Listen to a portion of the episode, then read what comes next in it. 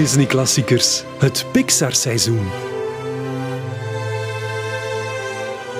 Elke aflevering bespreekt Robin Broos een Pixar-film samen met zijn centrale gast.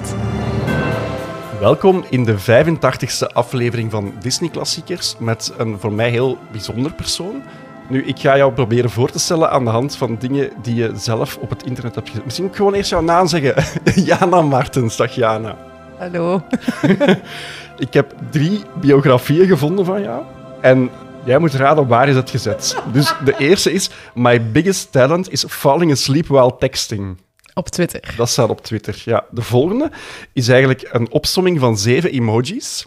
Dus het begint met een katten-emoji, dan een rollerskate-emoji, wat misschien niet het beste idee is, omdat je vorige week nog met rolschaatsen bent gevallen, maar ik wist niet of ik dat mocht zeggen eigenlijk. Maar je hebt het al gezegd. dus gezegd gezegd. is gezegd. Eh, een, een rollercoaster, een sneeuwvlok, een, zo een console om te gamen, eh, een, een, zo een filmklapbord en boeken. Dat staat op Instagram. Dat staat op Instagram. Zijn, zijn dat allemaal belangrijke zaken in jouw leven? Ehm, ik denk dat dat mij, mij wel een beetje samenvat. Ja? En ik denk, ja, jij kent mij goed genoeg, denk ik. Dus ik denk dat je ook wel weet waarvoor dat alles staat. Misschien het sneeuwvlokje niet. Ik, ben, ik hou meer van de winter dan van de zomer. Voilà, daarmee is dat uitgelegd. Ja. En dan is er nog eentje. Account Manager Members Audiovisueel bij Sabam. Dat staat waarschijnlijk op LinkedIn. Dat staat gewoon op LinkedIn. Ja, Ja, dat is professioneel, hè. het is waar, maar op de, op de eigenlijke website van Sabam, daar staat ook een hele introductie en die begint met de Limburgse Jana, die na haar opleiding Office Management in Gent bleef wonen, startte in september 2019 bij Sabam. Hoe belangrijk is dat dat daar staat, de Limburgse Jana? Dit is een podcast, dus niemand ziet dat, maar ik wil echt onder mijn tafel kruipen van schaamte. Waarom? Oh, ik wist niet dat je dat ging terugvinden. Ik weet niet waarom dat, dat belangrijk was om te, om te plaatsen dat ik van Limburg was. Misschien, dat is ook voor deze podcast, misschien dat verklaart mijn accent. Ja, nogthans niet helemaal, want je hebt onlangs in een andere podcast gezeten, in Clever Girls van Julian de Bakker. Ehm, Zeg, ik dacht dat dat hier een Disney-podcast was, maar dit voelde een beetje als we gaan Jana wat dissen of zo. Nee, ik nee, we gaan Jana wat zetten. Het is belangrijk dat de luisteraar doorheeft met wie dat die te maken heeft. En daarover zei jouw eigen broer dan, dat je helemaal anders sprak in de podcast dan in het echt. Ja, mm, ja. ja, ik wilde wat toegankelijker klinken, denk ik. Ja. Ja. En wat... En wat ehm, ik moet op, opletten als er Limburgers luisteren. Maar misschien een beetje, een beetje mooier klinken. beetje zo, mooier. mooier qua uitspraak, ja.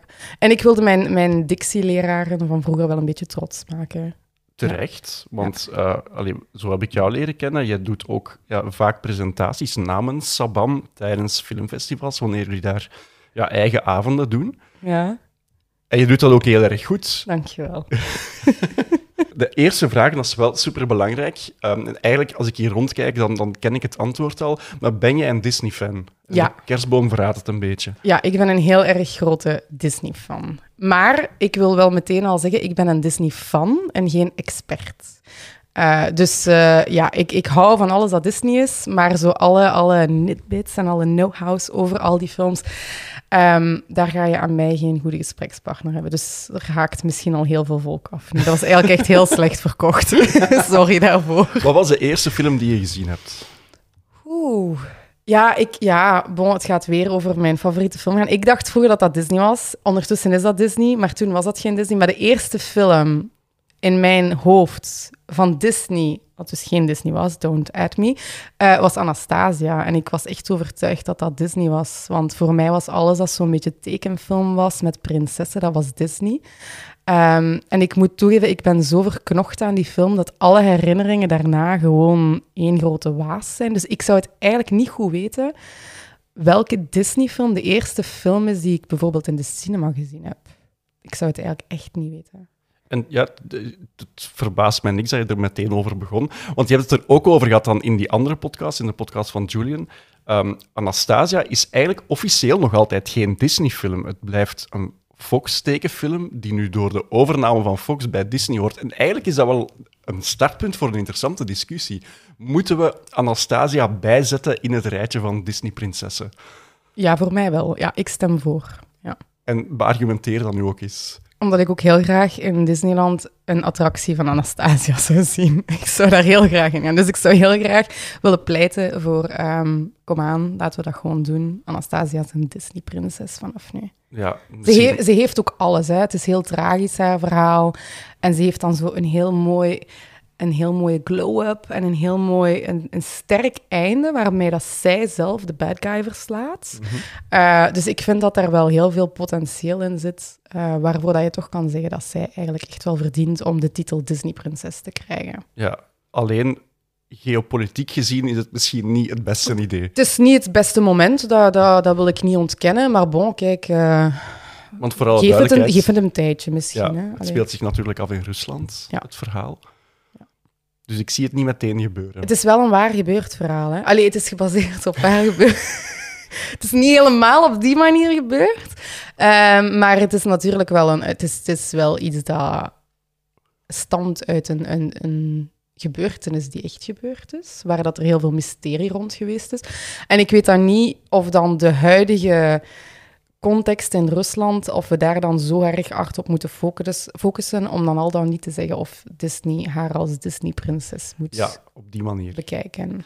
Met dat je het nu zo stellig zegt van het, het is gebaseerd op een waar gebeurd verhaal, dat doet er mij aan denken dat dat eigenlijk in de geschiedenis van Disney... Intussen is Jana water aan het uitschenken, mocht iemand zich afvragen wat er gebeurt. Er is niemand pipi aan het doen of zo. Ehm, het doet er mij een beetje aan denken. In de Disney-kanon zijn er eigenlijk amper tekenfilms gemaakt die gebaseerd zijn op waar gebeurde verhalen. Behalve, en dat is ongeveer in dezelfde periode, Pocahontas. En daar is achteraf superveel kritiek op gekomen, omdat dat een totaal ja, ehm, geromantiseerde versie is van wat daar echt gebeurd is. Ja, ik denk wel dat je van Anastasia misschien niet kan zeggen dat het heel erg geromantiseerd is. Eerder dat er echt heel veel fictie bij komt kijken. Ehm, want ik weet dat ik heel veel later ergens een documentaire over Rasputin gezien heb. En dat ik wel dacht van, ah oké, dit lijkt echt niet op het verhaal dat ik in mijn hoofd heb. Hè? dus ehm, er zit heel veel fictie achter. En ik vind, allee, ja, het is natuurlijk altijd geromantiseerd. Hè? Het, is, het is een beetje romantischer gemaakt. Ik, ik denk dat Dimitri ook niet echt bestaan heeft, waarschijnlijk in de context zoals hij er is. Ehm, maar ja, laat ons dat niet tegenhouden, zou ik zeggen. Ehm, ja, ik ben er altijd helemaal voor. Ik denk niet dat je mij gaat kunnen overtuigen van het feit dat het geen goed plan is om haar als Disney-prinses te kronen. Als, als we er ooit uitkomen, Ja. dan maken we een extra aflevering. Ik ben er al uit, hè. Ik ben eruit, hè. Het is... eh, Ja, maar ik bedoel als samenleving. Oké, als samenleving. Ja, want Ik zou, ik, zou, ik zou iedereen willen oproepen om, om misschien even gewoon aan Robin te laten weten wat, dat, wat dat jullie mening is. Dat, dat hij een idee heeft van het, het standpunt van de samenleving. Een soort van steekproef Ja, onder ja. fans die uiteindelijk daar toch wel zeggenschap in hebben. Ja. Dat is heel belangrijk. Eh, ja, de, de podcast heet nog altijd Disney-klassiekers, maar ik ben nu bezig met Pixar. Hoe belangrijk is een studio, een, een andere tekenfilmstudio als Pixar voor jou? Of is dat allemaal een beetje hetzelfde? Ja, ondertussen staat Pixar een beetje synoniem voor Disney in mijn hoofd. Ehm, en ik vind gewoon dat ze echt pareltjes van films afleveren. En ik vind dat ze heel vaak gedurfd, durven, allee, dat ze gedurfd zijn in hun keuzes. Dat ze onderwerpen en, en eh, personages aankaarten die niet altijd zo vanzelfsprekend zijn, misschien in onze overwegend blanke maatschappij bijvoorbeeld. Eh, dus ik, vind, ik, vind, ik ben heel grote fan van Pixar. Maar in mijn hoofd inderdaad staat Pixar wel redelijk gelijk aan Disney. Ja. En dan vraag ik jou voor een film die in quasi niemands lijstje in de top 10 staat, misschien niet eens in de top 20. Was het een straf? Het gaat over The Good Dinosaur. Ja, Eh, nee, het was geen straf. Ehm, ik heb er ook nog altijd een traantje bij gelaten. Maar ik ben, ik ben natuurlijk heel snel emotioneel als ik naar een film kijk. Ik ga daar volledig in op. Ehm, ik, ik begrijp de kritiek die mensen hebben op de film. Eh, we zullen het er zo meteen waarschijnlijk heel uitgebreid over gaan hebben. Maar het heeft mij vooral niet tegengehouden om, om toch helemaal op te gaan in het verhaal en om toch alles te voelen wat ze proberen over te brengen. Dus het was zeker geen straf. Maar hij staat bij mij ook niet in de top 5 bijvoorbeeld. Nee, ehm, ik, ga, ik, wou voor deze aflevering ook zeer bewust gaan zoeken wat vond ik er destijds van. Omdat ik hier zo eerlijk mogelijk wil vertellen hoe dat, dat toen binnengekomen is. Omdat ik merk met, met, uh, met die podcast nu te maken dat ik heel vaak ineens een idee heb over een film, wat dan zo aansluit bij wat dat iedereen daarover vindt. Nee, tuurlijk vind ik Cars 2 niet goed, zo op die manier. Terwijl ik eigenlijk, toen ik die film voor het eerst gezien had, maar natuurlijk wel in een speciale context was, ik heb die tijdens een première gezien in Parijs, waar de makers bij waren. Dus dat is toen helemaal anders binnengekomen, maar ik wou me niet laten doen voor deze film. Dus ik heb mijn recensie teruggevonden, die ik daar toen over geschreven had voor een kwaliteitskrant. En ik schreef toen: Het is fenomenaal wat de tovenaars van Pixar in twee decennia hebben verwezenlijkt. Hun eerste animaties in Toy Story waren nog vrij vlak. De nieuwste bulkt uit van fotorealistische landschappen. Gelukkig maar, want het verhaal van The Good Dinosaur is vrij eenvoudig. Maar ik heb het wel drie sterren gegeven. En het, het, het vat eigenlijk echt wel heel goed samen wat de algemene consensus ook was. Hè. Uh, de, het beeldmateriaal was echt subliem, vond ik ook. Maar inderdaad, inhoudelijk mankeert er wel wat. Dus ik denk, ja. Maar ik, ik vond persoonlijk echt ook dat het, dat het niet zo leeg was dat ik, er, dat, dat, dat ik het niet wou uitkijken, bijvoorbeeld. Um, dus ik denk dat uw recensie een heel goede samenvatting is. Maar vandaag zou ik dan misschien geen drie sterren meer durven geven, met wat we vandaag allemaal weten. Ja. Omdat die film echt wel verguisd is toen.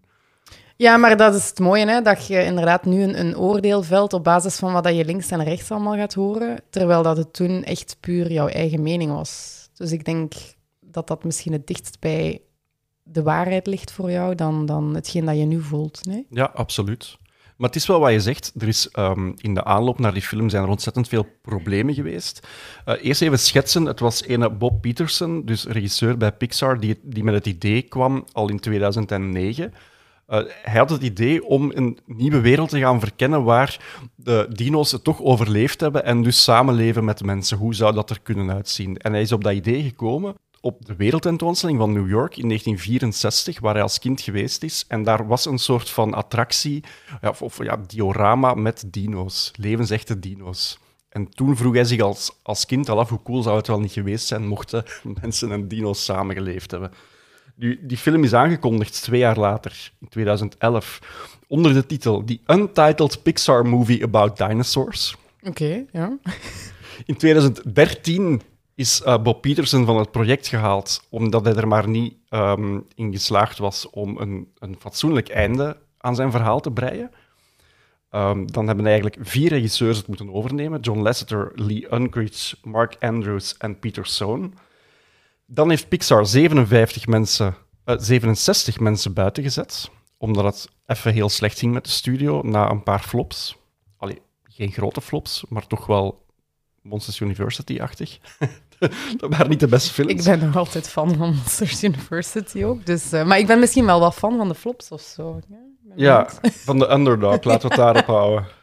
En normaal ging die film een jaar later uitkomen, maar die was dus belangen niet klaar. En dan hebben ze er Peter Sohn als uh, nieuw director opgezet. Peter Sohn, die je kan kennen als het jongetje in Up de Boy Scouts, die zou daarop gebaseerd zijn. Dat is gewoon iemand die bij Pixar werkt en ze hadden iemand nodig met een Aziatisch uiterlijk. Dus hebben ze hem getekend. Vind ik wel grappig.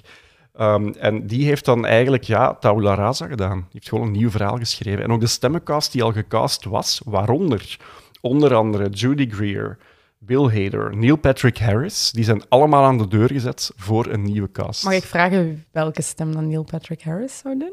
Ja, maar die, die, personages bestaan ook ah, niet meer. Ah ja, want er, ja, er is eigenlijk heel weinig, er is heel weinig tekst, behalve voor de dino's. Ja, in deze versie die, die nu bestaat, is eigenlijk 20% van de film zitten dialogen in en al de rest wordt er niks gezegd. Ja. Wat ook wel verklaart waarom dat die visuals zo belangrijk zijn. Ja. Ah, ik, had, ik had die versie inderdaad met Neil Patrick Harris. Ik zou graag weten hebben hoe die eruit gezien had. Ik herinner mij nog, want dat was zo de periode dat ik um, How I Met Your Mother echt aan het bingen was. En ik volgde hem uh, op Twitter. En hij had dat in zijn bio staan, dat hij super fier was dat hij ging meedoen in een Pixar-film. Oh nee. En het is nog altijd niet gebeurd nu. Waarom? Ja. een klein beetje triestig. Ja. We hebben toch iets gemeen met Neil Patrick Harris eigenlijk. Dat we allemaal niet in een Pixar-film. Uh, uh, ja, zwaar. Je moet het zover niet gaan zoeken, Robin. Ja, Ah, Neil Patrick Harris, arme man. Het doet mij ook aan denken, maar dan ben ik echt aan het nerden. In ehm, Californië is er zo'n achtbaan in eh, Disney California Adventure. En die heette California Screaming. En dat was de stem van Neil Patrick Harris die aftelde. En dan werd je zo, een beetje zoals in de Rock and Roller Coaster in Parijs, maar dan in open lucht, werd je afgevuurd en loopings en toestanden. En ze hebben daar nu een Incredibles-achtbaan van gemaakt. Dus een Pixar-achtbaan. Waardoor ze natuurlijk ook de stem veranderd hebben. Dus dat is al twee keer Nog dat Neil Patrick geen Harris... link. Hij heeft ook geen geluk, och, arme die mens. Maar het was wel eh, met, met het herschrijven van dat verhaal dat ze op het idee kwamen, één, om van de natuur het- eigenlijk een soort van personage op zich te maken. Ehm, Arlo, het hoofdpersonage, de, de dino die op een bepaald moment alleen valt. Ehm, ja, ofwel ehm, geniet hij van de pracht van de natuur, ofwel heeft hij er heel veel schrik voor. Maar dat is wel een, een interessante tweestrijd. En blijkbaar was dat personage aanvankelijk ook veel ouder.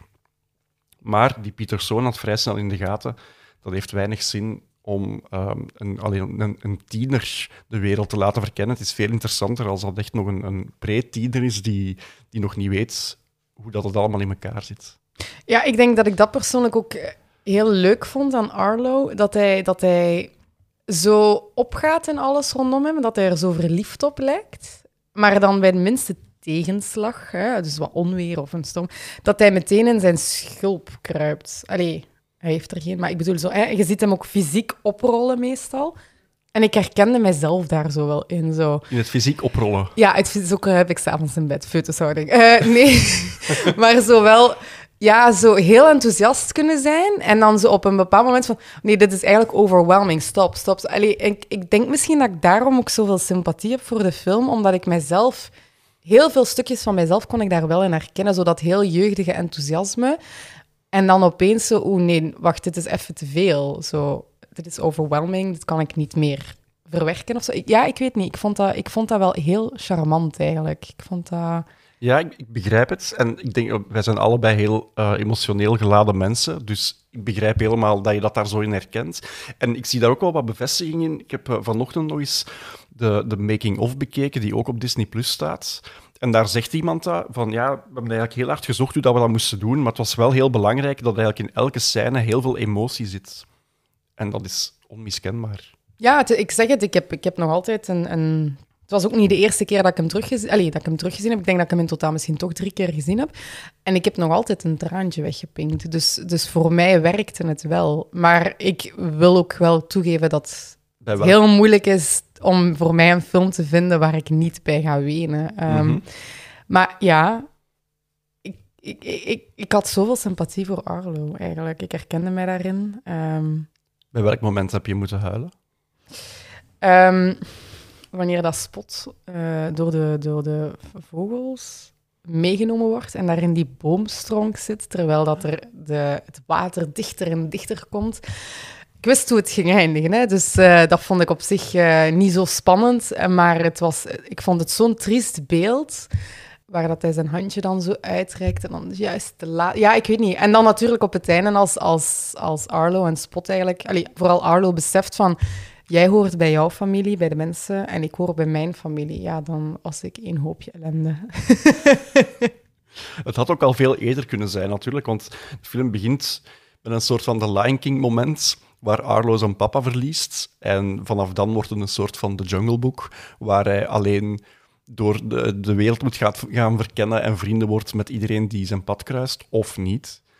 Uh, maar misschien moet ik even, voor wie de film nooit gezien heeft, en ik vrees dat het er deze keer wel een paar gaan zijn, uh, kort samenvatten waar de film over gaat. Dus dino's, had ik al gezegd, die zijn lang uitgestorven, dat weten we. Maar deze wereld niet, omdat een meteoriet die zou ingeslagen zijn op deze planeet, dat zien we in de openingsscène, die passeert gewoon rakelings de aarde, waarop alle dino's even opkijken van, oh, wat is er? En dan doen ze gewoon verder met hun dagdagelijkse bezigheden. En dino's zijn dan eeuwen later landbouwers geworden. En die wonen op, een, uh, op dezelfde planeet als de verwilderde mensensoort. Dus eigenlijk zijn de rollen omgedraaid. Het is de wat angstige dino Arlo die opgroeit in een boerengezin en die wil zich bewijzen tegenover zijn familie. Maar dan krijgt hij de taak om een silo met voedsel te bewaken. Komt hij oog in oog met zo'n kleine oermens, raakt hij compleet in paniek en ja, die kleine mens die vlucht. En helemaal teleurgesteld in Arlo neemt zijn vader Henry, die neemt zijn zoon mee op zoek naar dat mensenkind. Helaas, dan slaat het noodlot toe. Uh, Henry die redt Arlo nog op de valreep van een plotse overstroming, voordat hij uiteindelijk zelf wordt gedood door het puin dat die overstroming meeneemt. Arlo die moet zijn weg terugvinden naar de boerderij, komt opnieuw dat oermensje Spot tegen en het is die Spot die Arlo uiteindelijk zal moeten helpen om zijn angsten te overwinnen op de reis terug naar huis. Ik vind wel dat je één heel belangrijk iets vergeten bent. En dat is eigenlijk dat Arlo zo het kneusje van de familie is. Ik vind dat wel een belangrijk element, want hij heeft dan zo... Allee, het begint ook met dat er drie eieren zijn, waarvan één gigantisch ei dat als laatste gaat uitkomen. En daar zit Arlo dan in. En je verwacht dan een gigantische dino. Zijn ouders verwachten, ze zeggen het letterlijk. Hè. En daar zit dan zo'n heel minuscuul klein, klein kneusje in dat er niet eens uit durft te komen. En dan heb je zijn, zijn broer en zijn zusje, dat zo al meteen vanaf de start zo wel mee zijn met alles. Dat ook slagen in hun opdrachtjes die zij moeten doen op de boerderij. Terwijl Arlo blijft altijd zo wat achter. Hij is te bang van alles waardoor dat hij zijn strepen eigenlijk niet verdient. En ik vind dat wel een heel belangrijk element. Ja. Persoonlijk. Sorry. Nee, dat is waar, absoluut. En zijn strepen niet verdient, heel letterlijk zelfs. Want er is blijkbaar een familietraditie dat wanneer dat je um, ja, eigenlijk als het ware volwassen wordt, of een belangrijke opdracht hebt vervuld, dan mag je je poot zetten op de silo. En Arlo mag het niet doen. Nee, en, en het ergste, zijn papa overlijdt en er staan daar uh, vier pootafdrukken. En die van Arlo staat er nog niet. Dus dat is zoiets waar hij dagelijks mee geconfronteerd wordt. Uh, terwijl hij nog altijd dat mensenkind moet gaan doden, eigenlijk. Hè. Uh, zijn opdracht is om, om, om, om het graan of het maïs te bewaken.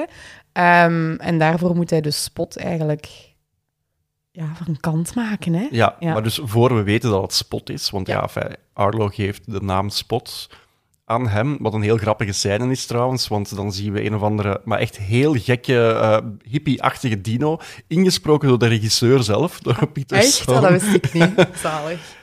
En ja, die, die bekvechten eigenlijk over wie dat, wie dat spot mag houden. Ja, omdat dus eigenlijk die, die andere neushoornachtige dino hè, uh, beseft van die Arlo beschermd wordt. Sorry, Spot beschermt Arlo. We mhm. weten Spot zijn naam dan nog niet.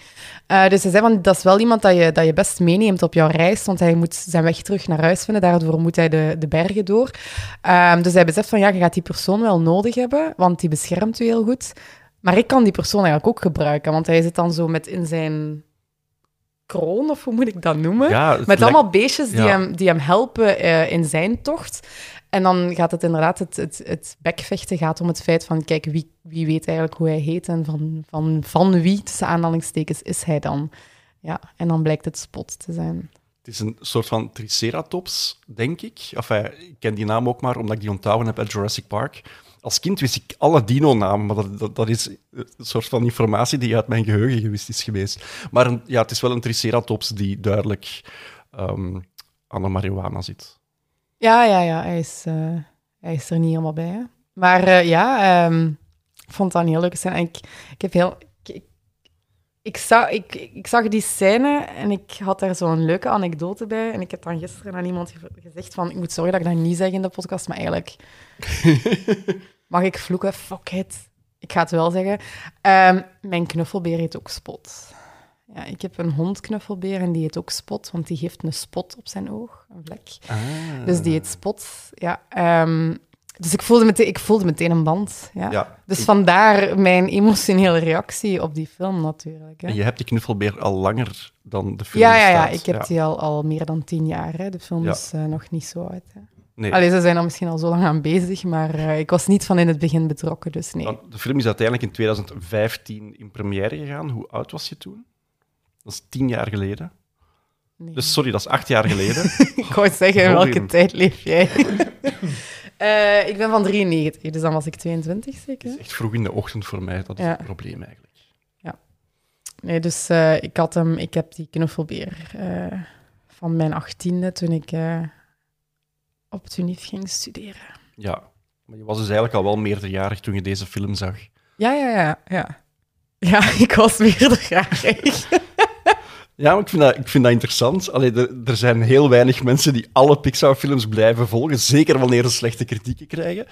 Dus uh, voilà, dat zegt ook weer veel over de toewijding. Ja, maar ik weet eigenlijk niet in welke context dat ik die film gezien heb, want ik heb hem zeker niet op, op DVD gehad. Um, ben ik hem dan in de cinema gaan kijken? Ik weet het niet hoe, hoe het komt dat ik hem gezien heb. Ehm, want momenteel ben ik niet meer mee, hè, omdat ik geen Disney Plus heb, omdat Disney nogal beschermachtig staat tegenover uh, cinema releases.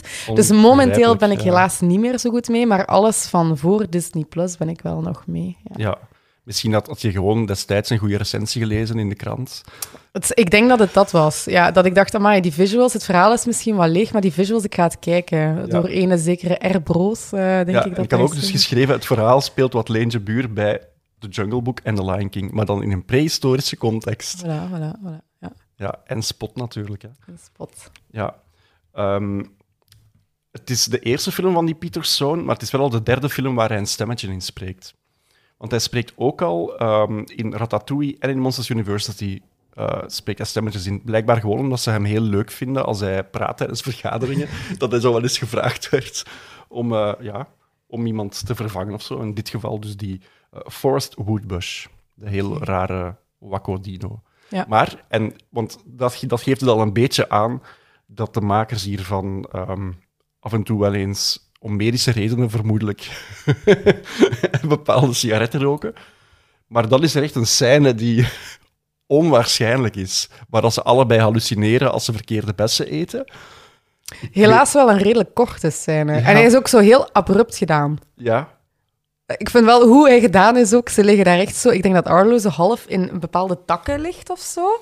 Het is echt zo. zo dat is zo echt het ding van dat je zo ik heb dat nooit meegemaakt, maar ik kan me voorstellen als je echt zoveel gedronken hebt dat je op straat wakker wordt en dat er zo nog allemaal dingen rond je liggen. Dat is echt dat. Er, moet nog iemand geweest zijn die zo zegt van ik herinner me dat ik zo'n keer ben wakker geworden en met een fiets over mij lag of zo. En wel, het deed mij zo wel wat denken aan zo, zo het clichébeeld dat wij als Europeanen hebben van, van mensen uit Engeland, zo uit Manchester of zo. Dat, dat, dat beeld riep het bij mij op. Maar dat was inderdaad een heel, heel leuke scène, vond ik. Uh... In mijn herinnering was die langer. Nu, ja, ik durf niet geloven dat ze die korter gemaakt hebben nu. Ik vond hem persoonlijk ook heel kort. Ik zeg het dan ook heel abrupt. Allee, dat abrupte gestopt, dat het abrupt stopt, vond ik op zich wel. Dat was wel leuk, want dan inderdaad zitten ze zo nog te hallucineren en opeens, bam, is daar die scène waar je ze echt zo in een, in een positie ziet waarvan je denkt, ja, dit kan, dit kan niet gezond zijn. Ehm, maar ik vond de scène ook heel kort. Maar ik, ik kan niet zeggen dat ik het gevoel had de eerste keren dat hij, dat hij langer was. Dat denk ik niet. Ik heb dat misschien wel in mijn hoofd groter gemaakt, omdat dat zo legendarisch is. En ook die personages veranderen ook echt fysiek van vorm. Die worden ineens nog cartoonesker. Uh, daar zou ook een knipoogje in zitten naar Monsters University. Op een bepaald moment krijgt Arlo vijf ogen. En dat zijn de ogen van dat personage, enfin, een van die personages in Monsters University. Het is de eerste keer, en denk ik sindsdien ook nog maar de enige keer, dat er dit soort scène in een Disney-film is gesukkeld. De eerste keer was in, in Dumbo, waar Dumbo dronken is. Ik heb die film nooit gezien. Maar ik denk dat het ook niks voor u is. Nee, nee ik, ik heb die film nooit gezien. En ik heb dan achteraf ook van heel veel mensen gehoord dat ik daar echt weken kapot van ga zijn. Ja. En dat is dat is dan misschien net te veel van het dat je daar emotioneel te onzeker voor bent. Ja, ik ga daar echt gewoon geradbraakt uitkomen en therapie nodig hebben, heel intens gedurende twee weken. Dus ik denk dat ik die aan mij voorbij ga laten gaan. Ehm, maar ja, ik, ik geloof het. Uh, ik ga het niet opzoeken. Ik ga de film niet bekijken. Het is een heel grappige scène waar um, Dumbo per ongeluk champagne drinkt. Hij denkt dat het water is, maar het is champagne. En hij wordt dan heel erg zat en dan ziet hij roze olifanten. En jammer genoeg is het de aanleiding uit de remake van Tim Burton geschrapt. Dus hij drinkt niet meer. Maar op een bepaald moment zijn er zowel roze olifanten, maar dat is zo meer als een onderdeel van het circus. Oké. En dat is wel jammer. Ja. Oké. heel Amerikaans wel. Ja, voilà. ja, toen was het allemaal prima in de, jaren, in de jaren 40. Maar nu, oh, je zou maar eens alcohol in beeld moeten brengen. Mm. Ja. ja, nee, inderdaad. Maar ik vond het, ik vond het wel ook heel erg... Uh frappant dat die scène in, in deze film... En dat dat dan helaas een film is dat niet zoveel mensen gezien hebben. Allee, ik heb dat nu terug over The Good Dinosaur. Hè? Ja. Zo, uh, er, er wordt dan een keer wat drugs gebruikt in een Disney Pixar film. Ja, dat doen en ze dan een keer. Dan, dan en dan gaat niemand er naar kijken. En ik bedoel, daarmee dat dat nu niet meer gebeurt, vrees ik. Omdat ze dachten, dat heeft niet gewerkt, we gaan dat niet meer doen. Uh, maar dat was inderdaad een heel leuke scène. ja. Ja, het valt mij op. Het is in de geschiedenis van Pixar wel een paar keer gebeurd dat films zo op de valreep worden geswitcht van toon of, of dat het verhaal toch anders moet. In dit geval dat ze er dan twee jaar langer over doen. Dat moet gigantisch veel geld gekost hebben. Ze hebben ook al wel in diezelfde periode een film gewoon gecanceld. Dus een film waar, die ze, waar ze aan begonnen waren, Newt ging die heten, en die is gewoon nooit... Ze hebben die ook niet afgewerkt. Ik had echt gedacht dat ze deze film ook gewoon gingen schrappen. Zeker als je dan weet wat het resultaat uiteindelijk maar geworden is. Dat verhaal zou eigenlijk veel sterker kunnen geweest zijn. Maar als ik dan nu die, die making-of vanochtend bekeek, als je dan ziet hoeveel liefde daarin gestoken is om dat te maken, dan geloof ik ook wel dat dat voor, voor die makers een passieproject was. Er is zo'n heel grappig moment dat ze blijkbaar op de campus van Pixar een levensgrote uh, Arlo gemaakt hebben uit bordkarton. Dus verschillende stukken bordkarton die, die op stokken werden gezet in lagen op elkaar en die vormen samen Arlo. En dan heeft er iemand een hele lange stok vast waar een cameraatje op zit. En dat werd dan aan zijn hoofd gedaan, zodat ze konden zien wat het zicht is van Arlo op, op de aarde van op zijn hoogte. Ik vond dat heel grappig. Allee, gewoon ja, maar als je, dan, als je dan kijkt naar Spot... Ik, ik weet niet hoe hij zijn hoofd recht kan houden. Hè. Hij heeft echt een gigantisch hoofd. Dus qua perspectieven en, en verhoudingen hebben ze het ook niet zo nauw genomen. Hè, maar dat verklaart misschien waarom dat de mens vroeger op twee handen en twee voeten liep. Ja. Omdat onze hoofden gewoon te groot waren. Waren die echt zo groot? nee. Als we, als we deze historische film mogen geloven. Ja, ja hij is natuurlijk heel accura accuraat hè, wat, wat uh, geschiedenis betreft. Dus ik denk dat we daarop voort kunnen gaan. Het is eh. gebaseerd op een waar gebeurd verhaal. Ja, ja, toch, dus, ja. Ja, ja, dus we kunnen daar wel van uit. Maar Oké, nee, dat is wel heel erg dedication, dat ze, dat ze zo ver gegaan zijn. Ja, ik moet dat eens opzoeken. Allee, ik, heb het heel klungelig uitgelegd, maar zo zag het er ook uit. Heel klungelig. Maar zo mensen die zich wel aan het amuseren zijn op de studio, zo van ja, we gaan dat hier eens doen. En vooraf, maar dat is dan echt wel in een pre-productieproces, zijn ze met een aantal ja, storyboarders en designers um, in, de, in Amerikaanse bossen eigenlijk gaan trekken om um, ja, de wereld zoals die zou kunnen zijn, echt zo de wildernis, om dat, om dat zelf met eigen ogen te zien. Blijkbaar, eh, een van de medewerkers moet daar blijkbaar ooit, was daar opgegroeid. En die ging nog vaak terug om gewoon schilderijen te maken van het landschap. En die schilderijen zijn de basis geworden van deze film. En ze zijn er dan, want dat zie je ook in die documentaire, het is niet zo'n heel lange documentaire, uh, want er valt ook niet zoveel over die film te vertellen. maar ze gaan dan zo met paarden door het bos en blijkbaar moet er zo een van die paarden op hol geslagen zijn toen ze vijf, kilo, uh, sorry, vijf uur verwijderd waren van hun basiskamp. En dus, ze, ja, dus die persoon op dat paard is meegevallen met dat paard. En die heeft gelukkig niks gebroken en, en dat is allemaal goed gekomen. Maar dat was dan zo voor het team, zo, oh no, wat als dat misgelopen was, hoe hadden we die ooit kunnen terugvervoeren? Dat verklaart heel veel van de gewelddadige scènes wel in deze film. Ik denk dat ze daar wat inspiratie uit gehaald hebben, uit, uit dat, dat voorval. Het zal mij ja, verbazen. Het werd in de, in de docu gemonteerd met een moment waar um, Arlo vast komt te liggen onder een gigantische steen. Wat ook gebruikt werd als voorbeeld om aan te geven dat hij soms heel veel schrik heeft van de natuur en soms niet. Maar in dit geval, ja, je kunt er je zoiets bij voorstellen. En die beelden zitten er ook in, want ze hadden heel hun paardentocht gefilmd. Dus op een bepaald moment ziet je dan ja, eigenlijk met paarden al die tegen de grond gaan. Um, en die lag daaronder. Dus ik vermoed dat dat ook wel een één-op-één inspiratie geweest is. Ja, ik, ik, twijfel er niet aan, eerlijk ja. gezegd. Ja. Maar, en dat vind ik eigenlijk wel iets heel bijzonders. Um, blijkbaar zit er ontzettend veel inspiratie ook in. Allee, hebben ze zich heel erg laten inspireren op Jurassic Park. En de reden is dat dat een film was die in uh, de zalen kwam op het moment dat heel, een heleboel mensen van Pixar daar al werkten en net bezig waren met Toy Story, dus de allereerste Pixar-film. Dus dat was een film die zij allemaal gezien hebben, allemaal grote fan van waren. En toen was er gezegd, als we ooit een film maken met dino's, dan willen we sowieso de T-Rex erin, want dat vond iedereen het coolste personage. En je ziet zelfs, zelfs de tanden zijn zo herkenbaar, Jurassic Park. Wat zou vooral ook zitten in de scène um, waar uh, de T-Rexes eigenlijk ja, die, die vliegende dino's aanvallen, de manier hoe dat ze ja, vechten, zou echt afgekeken zijn van Jurassic Park. Maar de T-Rexen hier in de bigger picture zijn wel de good guys. En dat is denk ik de eerste keer in de geschiedenis van de cinema ooit. Ja, ja. Dus dat vond ik Ja, ik weet al. Ja, van, nu wist ik het natuurlijk toen ik de film herbekeek. Maar mijn eerste reactie toen, toen de dino's hè, ehm, op Arlo en Spot afgerend kwamen, waar dat Arlo en Spot eigenlijk ook bang waren, had ik ook zoiets van: jongens, get out of here. Eh, dit stinkt nog meer dan die vliegende dino's die achteraan zitten. Laat ze ondereen vechten en muist er tussenuit. Uh, maar het blijken de good guys te zijn. En dat vond ik eigenlijk wel een leuke twist, want die vond ik wel redelijk onverwacht. Daar had ik mij de eerste keer dat ik de film zag, had ik niet verwacht dat de T-Rexen de good guys gingen zijn. En het is dan weer heel mooi opgebouwd, inderdaad, dat je ook als kijker eerst op verkeerde been wordt gezet, omdat je inderdaad die, die silhouet van die, van die dino's kent uit andere contexten, zoals een Jurassic Park, en dat je weet, oei, dit is inderdaad een moment om zo snel mogelijk de benen te nemen. En zeker omdat er dan achteraf, als uh, oh, zijn het bisons, ja, hè, dus, dus ik denk dat... Ja, buffels, ja. Buffels, ja. Buffalo's. Ja, uh, vierpotige dieren, hè, dus ja. dat er daar inderdaad ook dus iets... Niet de schoenen, maar ja. Ja, de dieren. uh, dat ze daarop... Um, op moet, allez, ze moeten die herd gaan verplaatsen, maar daar zitten dan nog andere dino's waar ze eerst vanaf moeten geraken.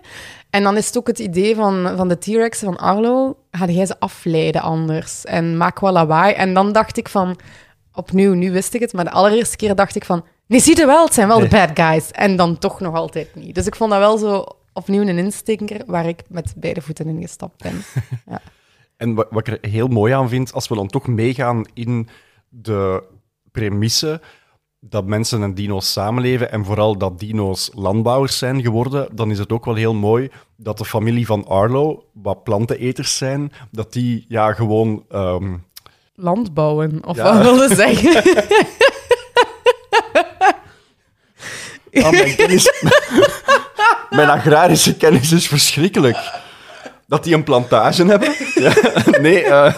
Dat die ver... Ja, ja, hoe zeg dat die een veld hebben, dat, dat ze onderhouden? Ik weet niet wat je wilt zeggen. Ja, ja, ja, dat die daar, ja, inderdaad. En daar groeit van alles en dat komt uit de grond. Ja. En die doen dan zo aan irrigatie om de zoveel tijd. Maar, dus zo ja, eigen kweek eigenlijk. Zo. Dat maar dan in contrast met de T-Rexen, dat zijn dan duidelijk de veehouders. Ja, ja, ja, ja inderdaad. Ja. Maar ook de veehoud, veehouders. Zo. Ik, vond dat, ik, ik, ik, ik verwachtte dat, dat, eigenlijk, dat ze erop gingen jagen, echt. En dan was het van, nee, nee, we moeten die hier... We moeten de herd gaan verplaatsen. Ja? En dat vond ik wel, ik vond dat wel heel grappig eigenlijk. Want op dat gebied is de film dan totaal niet agressief. Maar dan heb je dan die vliegende dino's die, als er een storm gepasseerd is, gewoon alles willen opeten dat ze tegenkomen. En dat vond ik dan wel een grappig contrast, want dat zou je eerder linken aan die T-Rexen, die hier dan echt wel als de zorgzame uh, personages worden opgebracht. Want zij ontfermen zich echt wel over Arlo en Spot. Ja, dat is waar. Alleen de vliegende dino's, dus die... die hè, de, dat is, eigenlijk is dat een soort van... Ja, dat is, dat is bijna zoiets Scientology-achtig of zo. Dat is zo'n soort van ja, ik, voor mij zijn het de prehistorische aasgieren, toch? Nee? Ah ja, ja. Omdat ze ook, ze hebben geen namen meer. Um, alles is de groep, en niks meer is het individu. Het is zo een Totdat secte. het dan op eten komt, want ja. dan vechten ze wel nog ja. altijd onderling om, om, om dat beestje dat ze daar vangen. Uh, ja. Dat pluizig bolletje, zo, dat kei schattige bolletje dat dan opgefret wordt. Oh, dat is zo, dat is zo raar. Ja, enfin. Dat was heel uncalled for. Ik, ja. was ik, ik, ik, zag, ik wist het nu, dus het was van, ah, nee, waarom? Maar ik weet, de eerste keer was ik echt in shock toen ik dat zag. Want dat was zo, hij wordt zo, like een Furby, hij wordt dat beestje ja. dan opge, opgeworpen. Van, oh, kijk, och arme, hij leeft gelukkig nog. En dan wordt hij gewoon in één slok opgegeten. Je bent zo vertederd door dat moment, dat ja. ze kunnen helpen ontsnappen. En dan, het is wel ja. een beetje van een emotionele rollercoaster, als je daarbij nadenkt, ja.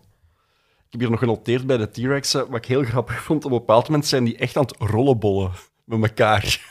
Dus die zijn zo super lief tegen elkaar. Zo, ja, ik vind dat heel grappig hoe dat je um, ja, dieren die we dus of, ja, of beesten die we nooit gezien hebben als mens, dat we, da, dat we daar toch emoties aan kunnen geven. Of, of gedragingen die, die ja, zou, zouden die geknuffeld hebben, dino's? Ik denk het niet. Nee. Maar ze zien er natuurlijk ook wel redelijk lieflijk uit. Ik bedoel, het blijven T-Rexen.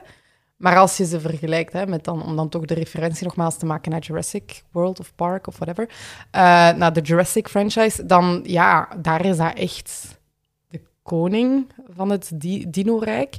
Terwijl hier allee, zijn ze wel ook lieflijker uitgebeeld. Hè? Allee, als je niet weet, als je de referentie van Jurassic uh, Park niet kent, ga je op basis van deze film niet meteen een heel kwaad imago linken aan dat lieflijk uiterlijk, vind ik. Nee, nee, dat is waar. En ze zijn zo heel mooi afgerond en ze zien er zo'n beetje klungelig uit ook met momenten. Dus allee, die personages rollenbollen wel, daar ben ik zeker van. Nee, rollenbollen, dat komt dan. Wat, wat zei jij er? rollenbollen, rollenbollen, ah, toch? ja. Ja, ja. Ja, ik vond het aan het einde van de film, het nu nog eens opnieuw te bekijken, een, een gek contrast. Ehm, wanneer wij denken aan dieren, dan denken wij niet dat die eh, nadenken over emoties of dat die dat, dat beestjes met elkaar zouden gaan knuffelen of zo. Dat, is- dat, dat is iets wat dat we precies daar niet mee in verband brengen. In deze film draaien ze het allemaal om. De dino's hebben alle emoties en, en, en, en hebben spraak en hebben ja, eigenlijk alles wat mensen nu hebben. Maar de mensen in deze film, die geen spraak hebben, die verwilderd zijn, die ja, ogenschijnlijk geen emoties hebben, zijn dan toch ineens hyperemotioneel op het einde wanneer dat ze elkaar terugvinden. Ik En dat weet- klopt ergens niet. Ah, ik vond dat net... Ik vond dat een van de... Van de allee, om dan toch wat sterke punten van de film aan te halen, vond ik dat wel heel leuk dat de, de mens de indringer was. Hè. In het begin was dat echt de indringer. En ook dat wij de primitieveling waren. Terwijl wij in de meeste films zien wij ons echt als, als, als een, een, een, een wezen dat boven de rest staat. En ik vond dat ergens wel humbling dat we hier echt gewoon het meest basic eh, personage waren. Heel primitief, heel ja, beestig eigenlijk. Ehm, terwijl dan de dino's inderdaad ons dingen bijleren in deze film. Ik vond dat een heel sterk punt. Het klopt niet, hè? Allee, met hoe dat wij de wereld kennen, maar zoals je zei, het is een alternatieve wereld waar de, de planeet ehm, geen komeetinslag heeft meegemaakt en de dino's zijn blijven leven. Hè? Dus ik vind het... Voor mij past het wel. Ja. En waar de mens dus lang niet zo ver staat als dat hij nu zou staan, maar waar dat we dan blijkbaar als mensheid wel zijn tonen als we naar het toilet gaan. Ja, ja, duidelijk, duidelijk. Ja, ja, ja dat, dat is ook een heel leuke scène in Een van de grappigste dingen, echt waar. Ik vond ook de, de, de blik van Arlo zo. Hij kijkt en dan zo. Ah, oei, oké.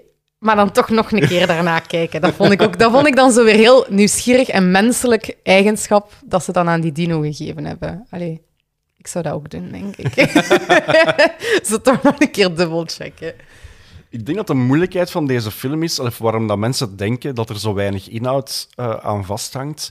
Het duurt echt tot dik over de helft, en ik heb het getimed, eer dat er echt iets gebeurt. Of nee, in het begin verliest hij zijn papa en dat is allemaal triestig, maar dan, ja, ze gaan op pad en eigenlijk gebeurt er nooit iets spectaculairs, tot wanneer ze dan eigenlijk pas over de helft die T-Rexen tegenkomen. Ja, ik weet. ehm, ik heb de film herbekeken ehm, op weekend ehm, met de jaarover. Mag ik dat zeggen wanneer dat? eh, Tuurlijk. Ah ja, dus met de jaarovergang.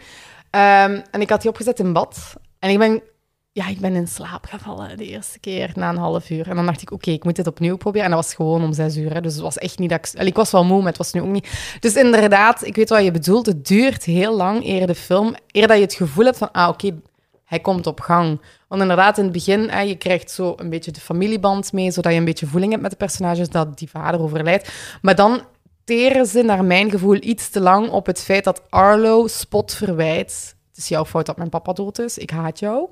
En daar teren ze dan iets te lang op, totdat er dan het moment komt van, ah, we hebben elkaar misschien nodig. En dat duurt inderdaad, ja, de helft van de film. Ja, ik heb het niet getimed, maar naar mijn gevoel ook inderdaad zeker de helft van de film. En het is al een vrij korte film, dus waarschijnlijk hebben ze daarom besloten, we gaan daar niet in knippen, want op den duur blijven we met een film van een uur over. En de landschappen zijn natuurlijk wel prachtig, maar ja, kun je dat blijven verantwoorden op die manier? Ja, wat ik, wat ik ook het mooiste vind, ehm, de scène waarin Arlo aan Spot de vuurvliegjes toont, vind ik een heel mooie scène. En ook, er is een, een bepaald moment, dat is redelijk in het begin, en dat vond ik bijna, dat was zo realistisch, ehm, dat Arlo dus wakker gaat worden in het water, hè, nadat hij dus zijn papa dan kwijt is, ehm, en hij wordt dan wakker. Ehm, nee, sorry, het is niet als hij zijn papa kwijtgeraakt. Het is als hij, als hij achter Spot aanloopt, en dan wordt hij opnieuw mee, valt hij weer in het water. Allee, het is echt een klungel ook, hè. Eh, en dan wordt hij weer meegevoerd. En dan is er zo'n scène waar dat je het water op de steentjes ziet glinsteren, met het zonlicht erin. Ik heb dat zo'n paar keer teruggespoeld. Ik vond dat visueel magnifiek. Echt waar. Voor een, voor een animatiefilm vond ik dat geweldig mooi. Ik Ik heb ergens gelezen dat ehm, je aan de rivier, want de rivier is eigenlijk altijd aanwezig, dat je aan de, aan, ja, de stand van de rivier kunt zien hoe Arlo zich voelt. Dus als de rivier rustig is, dan is Arlo ook rustig en is hij niet bang. Als de rivier ja, plots heel heftig wordt, dan... Wat logisch is natuurlijk, want eigenlijk is het vooral storm waar hij bang van is. Ja, en dat zie je in de rivier, want dan begint het heel hard te regenen en zo. Eh, ja, en dat, ja, dat is, eigenlijk zie je, het van, zie je het ook nog het meest aan de lucht, vind ik. Want van het moment dat er wat wolken komen, zie je Arlo letterlijk naar boven kijken en zie je... Ik denk dat hij met momenten zelfs letterlijk oh-oh of zo zegt, om aan te geven van, dat, daar, daar is hier iets niet oké. Wat dan natuurlijk te begrijpen is. Hè. Als je op die manier je papa verloren bent, dan ga je daar een trauma aan overhouden, denk ik. Hè. Het is wel ongelooflijk wat ze voor deze film, eh, niet alleen over natuur in het algemeen, waar we het al over hadden, maar die wolken, dat zou blijkbaar super moeilijk geweest zijn. Omdat ze in alle vorige Pixar-films, en ik heb daar een fragmentje van gezien, waar dat ze het uitle- uitleggen aan de hand van Up. Je hebt zo'n scène op het einde van Up, waar dat Carl en, ehm, en Russell ij- een ijsje aan het eten zijn op de stoep. En dan tonen ze dezelfde scène met en zonder wolken. En eigenlijk valt het niet op, omdat wat er gebeurt is dat ze eigenlijk gewoon die wolken inkleuren in het scherm. Als een soort van 2D-animatie die er gewoon tussen zit. Voor deze film was het net belangrijk dat je de wolken eigenlijk langs alle kanten kunt zien. Maar je kunt wolken niet zomaar in een 3D-model steken. Dus hebben ze eigenlijk ja, objecten moeten maken in 3D, waar ze dan die wolkenstructuur hebben rondgebouwd. En op den duur hadden ze zo een hele set van honderden verschillende wolken, als een soort van Lego-doos, die ze dan gewoon eigenlijk konden op elkaar stapelen voor ja, het, het weer te simuleren dat ze nodig hadden. Ja, ik, ik ben nog eens aan het kijken naar wat foto's van de wolken. Maar het is inderdaad, het valt, als je naar de film kijkt, vallen ze op, maar ze vallen niet echt op. Ook omdat ze heel realistisch lijken, inderdaad. Maar ik heb er niet bij stilgestaan dat dat bij de andere films die ze gedaan hebben, dat dat misschien minder het geval was. Ik denk ook wel, dat is typisch Pixar, dat ze ehm, blijven zichzelf heruitvinden, of blijven technologie heruitvinden, want het blijft aan de ene kant ook wel gewoon nog een, een technologiebedrijf. En ja, als, als, er dan iets goed komt uit zo'n film en je kan achteraf zeggen, voortaan kunnen we ook dit, dan is dat wel ongelooflijk. Wat ze bijvoorbeeld ook hebben moeten doen, ehm, ja, dat klinkt nu heel technisch, maar de regisseur vond het belangrijk om de camera te kunnen draaien, vrij te kunnen bewegen. En dat klinkt raar, want het is een animatiefilm, maar basically zeg je tegen je computer van het moment dat die personages op je scherm staan, ik wil dat de camera zogezegd hier staat, dat standpunt inneemt, en dan beginnen we het vanaf daar, begint het vanaf daar te lopen. Beeld u dan de scènes in met de T-Rexen, waar ze echt op de vlucht... Allee, eigenlijk, ze zijn aan het lopen. Dat, is een ontzettend lange afstand die ze afleggen met een decor, met, een, met, een, ja, met, natuur in de achtergrond, dat constant verandert. Waar ze vroeger in cartoons eigenlijk gewoon telkens hetzelfde herhaalden en op den duur werd dat een visueel grapje, kunnen ze dat bij dit niet doen. Dus eigenlijk hebben die een gigantisch 3D-model moeten maken van die omgeving, waarbij, en ik heb het opgeschreven, waarbij je eigenlijk 160 kilometer langs weerszijden zou moeten kunnen passeren. Omdat het, omdat het anders niet geloofwaardig is. 160 kilometer. En wat Langs dus- weerszijden. Ja, wat ze dus gedaan hebben, is eigenlijk een soort van... Allee, het ziet er dan uit als een soort van Google Maps, eh, ehm, maar dan in 3D. Dat ze eigenlijk dat gewoon ja, gedownload hebben van bestaande eh, plekken in, in, in Amerika. En dat ze dat dan hebben ingekleurd met hun eigen achtergronden. Dus dat, dat het relief er altijd is, dat Ja. er altijd wel wat... ehm, dat, er, dat er altijd wel, ja, eh, die natuurlijke elementen in zitten. Ja, we wisten dat ze dedicated waren. Hè. Als ze daar eh, een kartonnen Arlo op de, op de campus gezet hebben, dan eh, verbaast dit mij niet, maar dat is wel heel erg dedicated, ja. Ja, ik kan nog iets zeggen over die, ehm, over die T-Rex Butch. Die zou ehm, gebaseerd zijn qua uiterlijk op personages zoals Clint Eastwood. Omdat ze dan net een hele western look wilden geven. Al die scènes zo, hè, met, met aan die beesten, en ze zijn veehouders, en ze trekken door de prairie eigenlijk, als het ware. Ja. Dat moest even zo die vibe geven. Ik, ik moest niet aan Clint Eastwood denken, om eerlijk te zijn. Jij wel? Nee, maar ehm, zelfs, zelfs qua muziek hoorde je daar wel zo de, de western vibes in. Het was, een, het was een andere sfeer, inderdaad. En dan als ze daar rond het kampvuur hun verhalen zitten te vertellen over hun, eh, hoe dat ze aan hun scars komen. Mm, maar ik, heb, ik ben niet zo ver doorgegaan, denk ik. Nee. Ik moest nog aan iets denken, ehm, omdat we het hadden over heel mooie scènes. Zo het moment waar ehm, Arlo probeert duidelijk te maken met stokjes van zijn familie. Dit is mijn familie. En hij zet voor elk personage een stokje neer. En dan trekt hij er een cirkel rond om aan te geven dat dat een gezin is. En dan één stokje gaat neer. Want Nee, nog niet meteen, hè? je hebt gelijk. Nee, hè? Dus En het volgende is dan, inderdaad... dan maakt Spot zijn familietje. Dus hij heeft twee ouders en zichzelf. En hij doet dan ook een cirkeltje. En dan op een bepaald... Allee, dan kijken ze zo naar elkaar, is er een connection. En dan op een bepaald moment... en dan op een bepaald moment legt Spot twee mannetjes neer en doet hij er wat zand over. En dan doet Arlo hetzelfde voor zijn papa. Ja. Dat, Dat, dat was inderdaad... dat kwam- vond ik het emo- meest emotionele moment, eerlijk gezegd. Nee, ik niet. maar het was wel een heel... Het was inderdaad heel mooi... Allee, ik vond het een heel mooi ehm, moment. En het hakt er wel in als ze dan zo die stokjes neerleggen. En zeker voor Spot dan, hè, dat hij zo echt alleen overblijft. Terwijl Arlo heeft eigenlijk nog wel wat familieleden. Natuurlijk, dat neemt niet weg dat het verlies van een ouder heel erg pijnlijk is. Hè. Dat wil ik niet gezegd hebben. Ehm, en, eh, ja, en dan natuurlijk op het einde, als, eh, als Spot dan een gezin vindt, hè, met eh, twee ouders en een, een, een, een, twee kinderen, en een meisje en een jongen, ehm, trekt Arlo er ook een cirkel rond. Om dan aan te tonen, kijk, je hebt nu jouw, een, Ja. nee, jouw familie gevonden. Ja. Het is niet zijn familie, maar hè, een familie. Eh, en ik heb mijn familie, want Spot wil dan toch mee met Arlo. En dat vind ik ook een hele mooie evolutie in het verhaal, want ze komen de papa van dat gezin al eerder tegen. En Spot wil daar eigenlijk naartoe rennen. En op een bepaald moment zie je dat Arlo hem dan bij, allee, bij zijn nekvel grijpt, bij wijze van spreken, en hem op zijn rug zet en zegt, nee, kom, we moeten naar huis. En dat is dan natuurlijk heel egoïstisch. En dan op een bepaald moment komen ze dan later terug die familie tegen. En dan zegt hij letterlijk tegen Spot, nee, dit is jouw familie en ik moet naar mijn familie.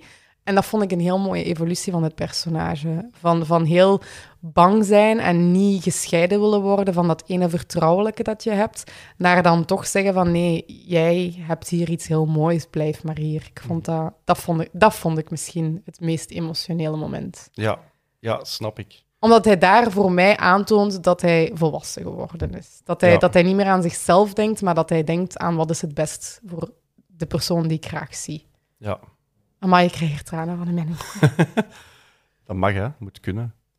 Nee, het, het- ik denk dat het mij vooral iets deed, dat moment, omdat... ehm, ik, wil daar ook niet flauw over doen. Eh, een paar weken geleden is mijn, is mijn schoonbroer overleden, of het lief van mijn zus. Laat twee kindjes achter. En we hebben daar lang over gebabbeld. Hoe gaan we dat aan de kindjes duidelijk maken? En ze zijn gelukkig nog niet zo oud. De oudste is net geen drie. Dus dat maakt, allee, het maakt dat hij het, denk ik, niet helemaal begrijpt. Maar het deed mij daar even aan denken met de stokjes van hoe gaan we dat hier uitleggen, dat er, dat er iemand niet meer is. Ehm, ja, misschien dat het daarom meer binnenkwam dan, dan het anders zou gedaan hebben. Maar ja, het was zeker een heel mooie scène. Maar ik, ik, ik vond de, de, de cirkel die dan achteraf mooi rondgemaakt wordt.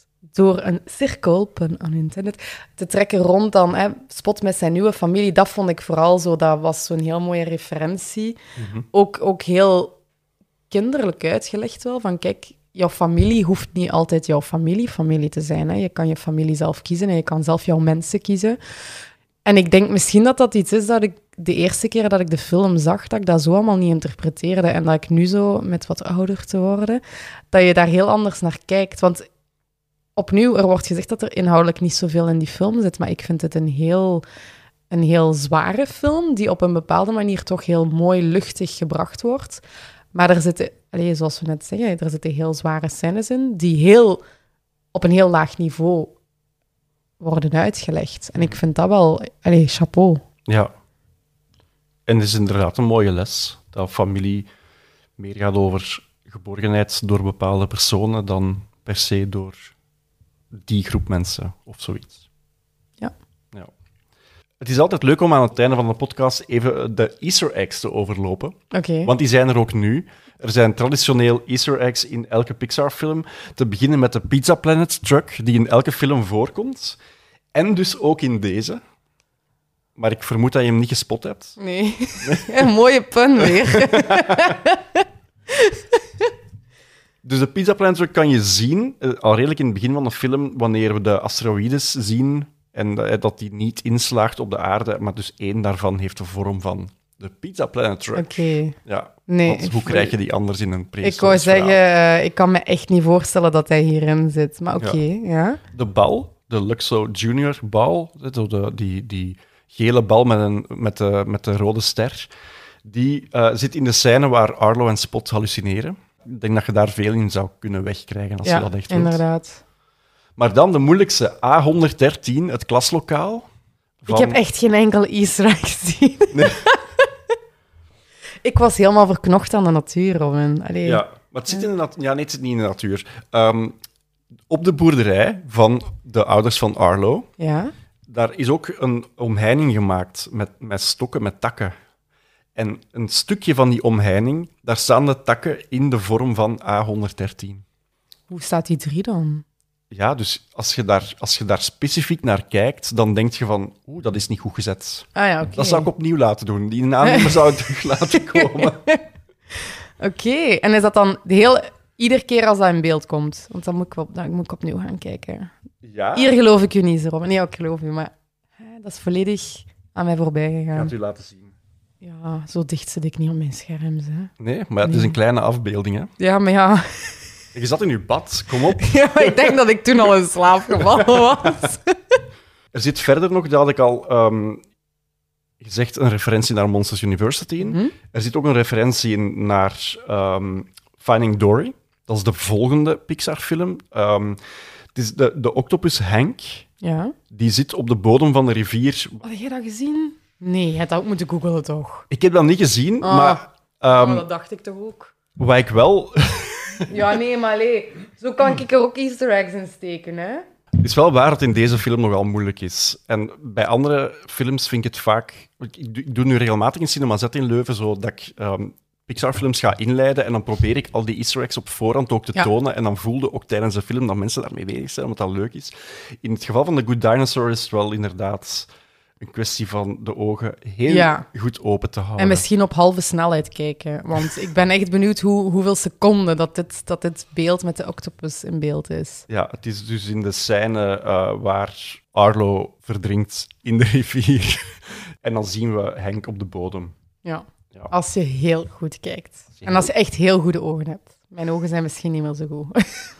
ik weet wel dat Arlo ook verschillende ehm, keren in andere films opduikt. Hè? Aha. Ja.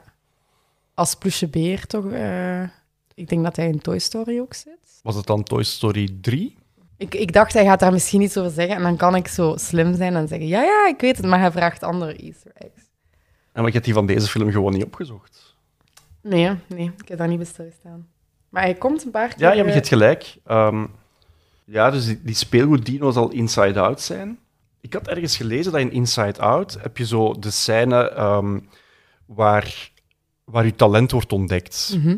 Dus al die eh, zielen komen ergens terecht en die kunnen dan zo kiezen uit allerlei coole dingen dat daar opgesteld staan. En een van die dingen is een silhouet van een dino. En dat zou een dino uit The Good Dinosaur zijn, waar ze eigenlijk gewoon hetzelfde model voor gebruikt hebben. Ja.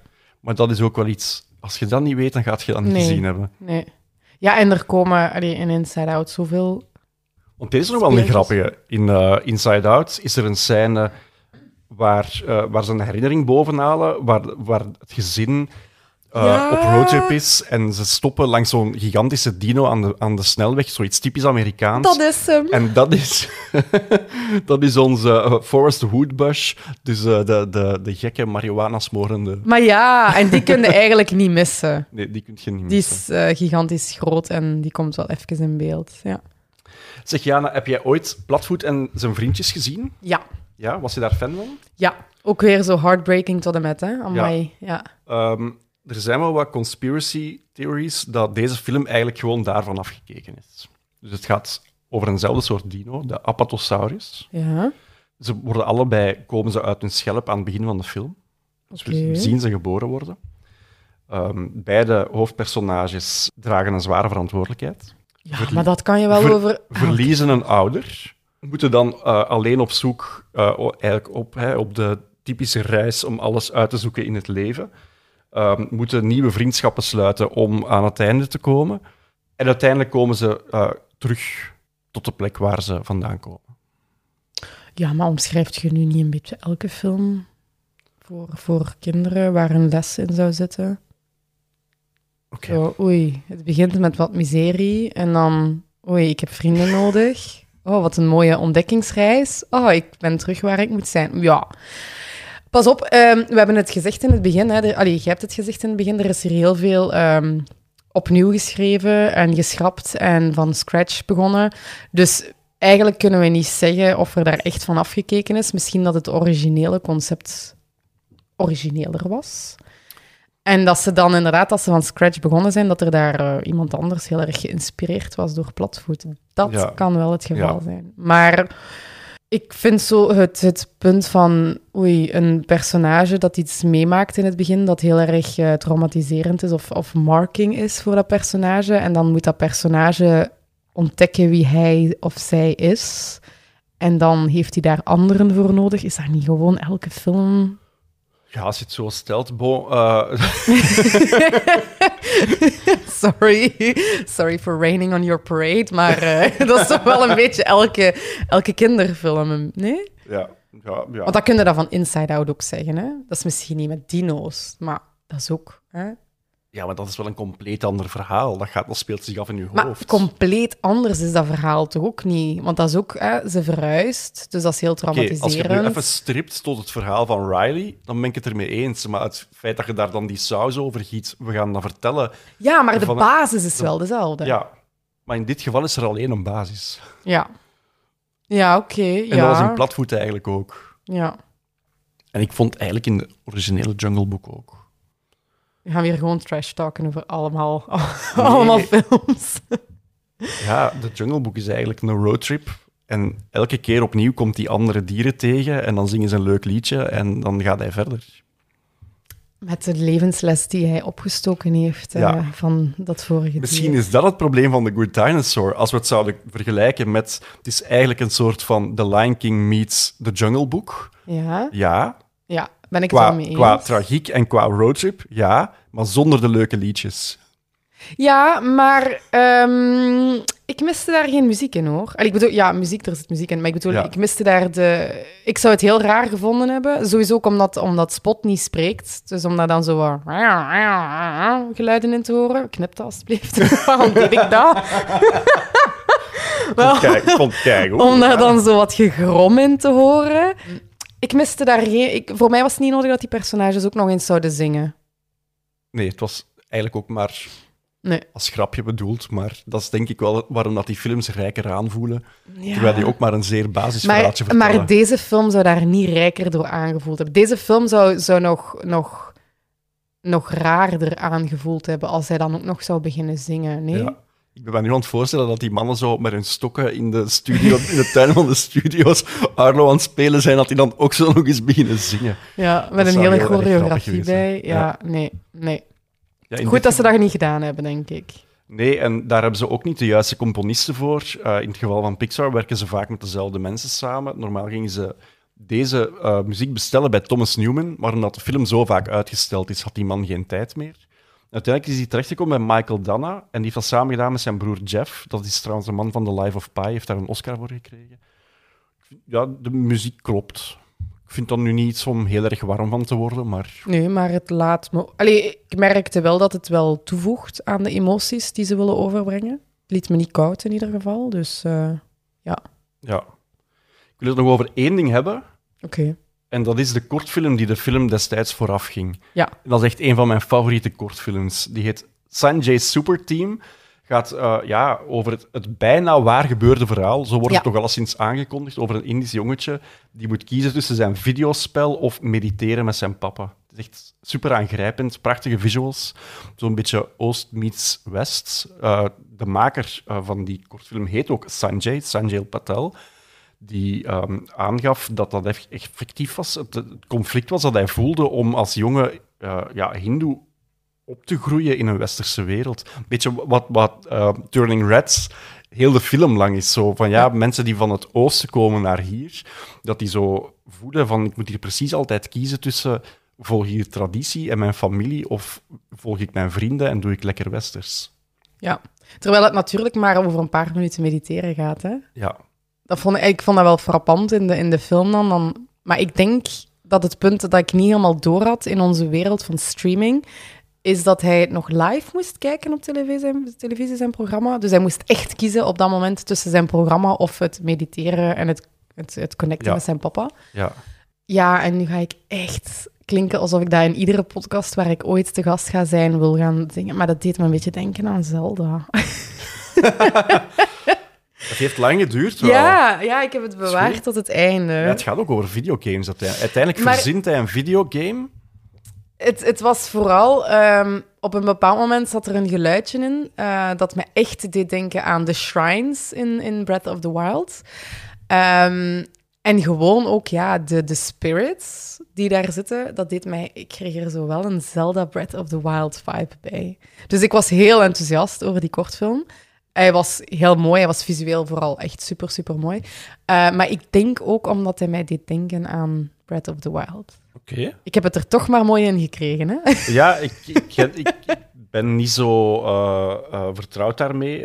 De maker zelf gaf aan dat hij zelf geïnspireerd was door wat hij cool vond als kind. En dat was Transformers, Looney Tunes kijken op tv, Superman comics lezen. En wat hij dus eigenlijk doet, is terwijl hij moet mediteren, verzint hij een nieuwe wereld van ja, Hindi eh, superhelden die dan ja, samenkomen met die godenfiguur die op dat moment waarvoor ze ja, niet aan het bidden zijn, waar ze aan het mediteren zijn. Ehm, en op einde is de papa dan ja, eigenlijk eerst een beetje teleurgesteld dat zijn zoon niet wilt meegaan in de traditie. Maar uiteindelijk, als hij dan merkt van, amai, hij heeft dat geïntegreerd in zijn eigen wereld, dan wordt dat toch weer iets heel Ja, vooral ook het, het, het begin natuurlijk, dat hij daar zijn, zijn superhelden poppetje aan de kant moet leggen. En dan, dan terwijl dat hij doorheeft van, oh, mijn papa kijkt niet, eh, dat hij dat probeert te nemen, daar dan de cape in brand vliegt. Allee, zo van die kleine, onbenullige op het eerste zicht dingetjes. Ik vond dat heel, heel... Ja, niet herkenbaar in de zin van, ik heb dat nooit meegemaakt, maar ik vond dat zo wel zo wel dat klungelige van toch willen dwars liggen en toch je eigen zin willen doorvoeren als kind. Ik vond dat heel, heel, heel sympathiek wel zo. Ja, ik vond dat, ik vond dat heel... Dat vond ik eigenlijk, denk ik, het mooiste moment van die film zo. Dat hij daar zo zijn papa tevreden wilde stellen van... Oké, ja, ik ga hier dan hè, zitten met mijn ogen toe, maar eigenlijk in mijn hoofd ben ik elders. Maar ik wil toch mijn pop, poppetje bij mij hebben. Ja. Zo. Ik, vond dat wel, ik vond dat heel mooi. Ja. En dan natuurlijk, hè, dan doet hij die kaars dan uit. En dan, oh, ja... En super schattig. Allee, dat zijn echt wel extra punten om uw aftiteling te starten met foto's van, dus in dit geval de maker en zijn papa, zowel als kind Ja, als het moment wanneer de film is uitgekomen. ja. Dat is zo'n soort van gemakzuchtige emo, maar dat werkt wel. Ja, en om, omdat inderdaad, hè, dan in het begin wordt er gezegd, gebaseerd op een waar gebeurd verhaal, dan wordt er toegevoegd, bijna waar gebeurd verhaal. Ehm, ja, en ik moet zeggen, dat heb ik met langspelers ook, hè, als, dat, als dat vermeld wordt, dan wil ik achteraf, waar zijn die mensen nu? Dus dat was heel fijn om dat inderdaad zo, alleen je weet niet waar ze zijn, maar ik bedoel, om dan zo wel een, een echt hoofd te kunnen plakken op die personen en dat je inderdaad wel weet van, ah ja, maar dit is echt gebaseerd op iets dat iemand meegemaakt heeft. Dus Ja. dat was inderdaad wel een heel mooie toevoeging. Ja, ik heb mij na het be- herbekijken van die, van die kortfilm gisteren afgevraagd, waar is die maker nu? Want vaak worden regisseurs getest bij Pixar met eerst een kortfilm te maken en krijgen die daarna grotere projecten. In dit geval is die story artist geworden voor Incredibles 2. En dan blijft het spoor een beetje bijster. Ehm, hij heeft- een, een eigen bedrijf opgericht, dat heet Gee Happy. G-H-E-E Happy. En dat zou een merk moeten zijn dat de Indische mythologie combineert met de westerse cultuur. Dus eigenlijk een beetje wat hij in deze kortfilm ook gedaan heeft. Daar zijn al een aantal boekjes van uitgekomen, die zien er fantastisch uit. Maar onder dezelfde titel is er twee jaar geleden een Netflix-animatiereeks aangekondigd. En sindsdien is, ja, het, ja, je vindt er niks meer over terug. Ah. Dus ik hoop oprecht dat dat nog gemaakt wordt. Hij leeft nog, want Ja. ik heb hem gisteren nog geïnstagramd. Ik heb, ik heb gezocht of hij nog eh, actief, is. Zijn laatste post is effectief de aankondiging van die Netflix-reeks, maar dan van een paar jaar geleden. Maar hij doet wel nog elke dag stories. Oké. Dus ik weet niet wat daar aan de hand is. Heel Ik vind het wel heel fijn dat hij dan aan Incredibles 2, dus een superheldenfilm, heeft kunnen meewerken. Dat vind ik wel, ik ben heel blij voor hem dat Ja. hij dat heeft kunnen doen. Eindelijk een droom kunnen waarmaken. Ja, ja. De combinatie van alle werelden. Ehm, heb je een idee van of The Good Dinosaur het goed gedaan heeft? Nee, dat- ja, nee, hij heeft het niet goed gedaan. Het, was, het is de grootste flop van Pixar tot nu toe, blijkbaar. Hè? Ja, dus eh, de 332 miljoen opgebracht voor een budget van 200 miljoen. Dat wordt in Hollywood beschouwd als een flop. Ja. De grootste uit de Pixar-geschiedenis. Tot Ja. nu toe.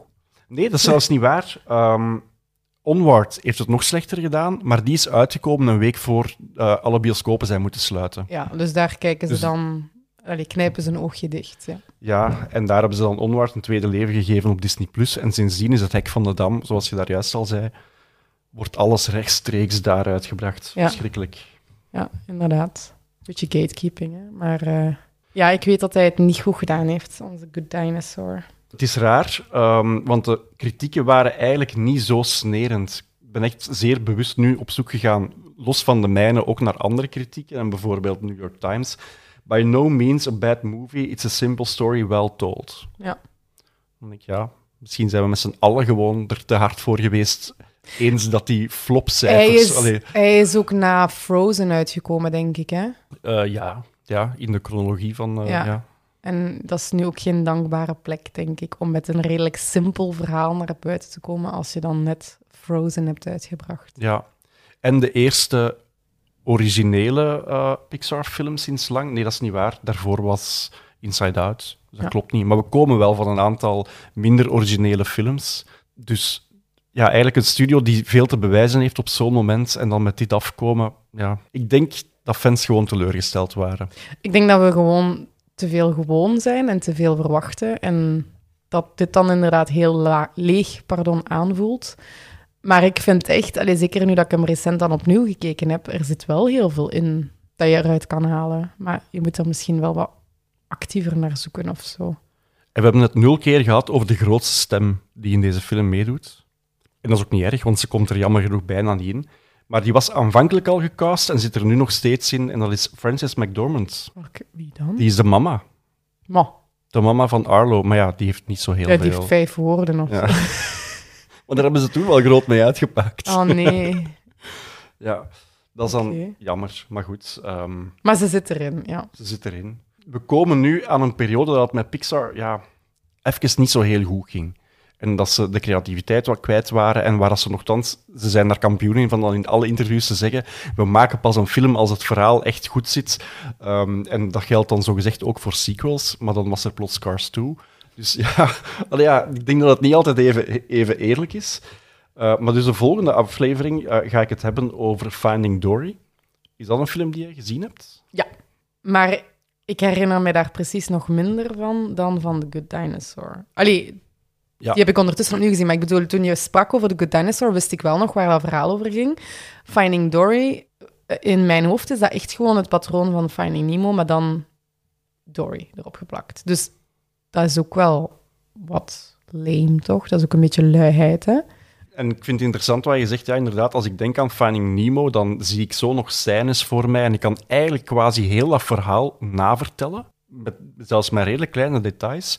En van Finding Dory moet ik al heel hard nadenken van, en waar speelt zich dat ook weer af? Terwijl bij Nemo is dat heel duidelijk, ja. En ze gaan naar Sydney. En uh, ja, jammer. Ja. Maar goed, iemand moet het doen.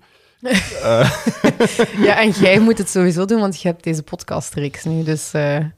Ja, het is waar. Allee, bij de Disney's heb ik zowel een, een, de, de slechte Disney-periode allemaal in één aflevering gepropt. En dan de Jelle, mijn go-to wanneer het gaat over slechte films.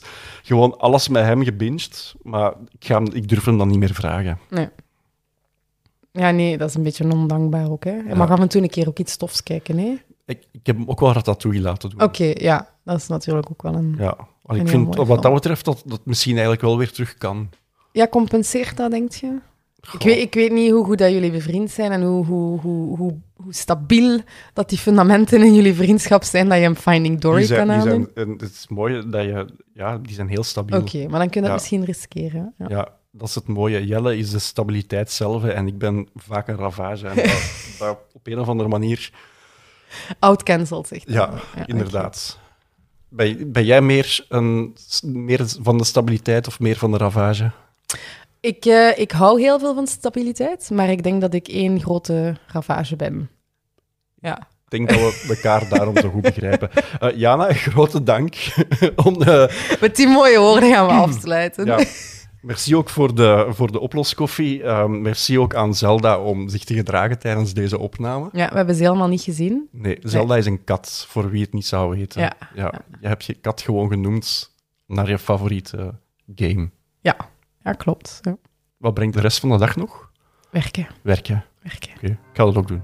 Ja, laten we, laten we gewoon samen gaan werken. Yes. Allee, ieder op zich, maar Ja, toch samen. Ja. Hè? dat is mooi. Ja. Merci. Mooie woorden om af te sluiten.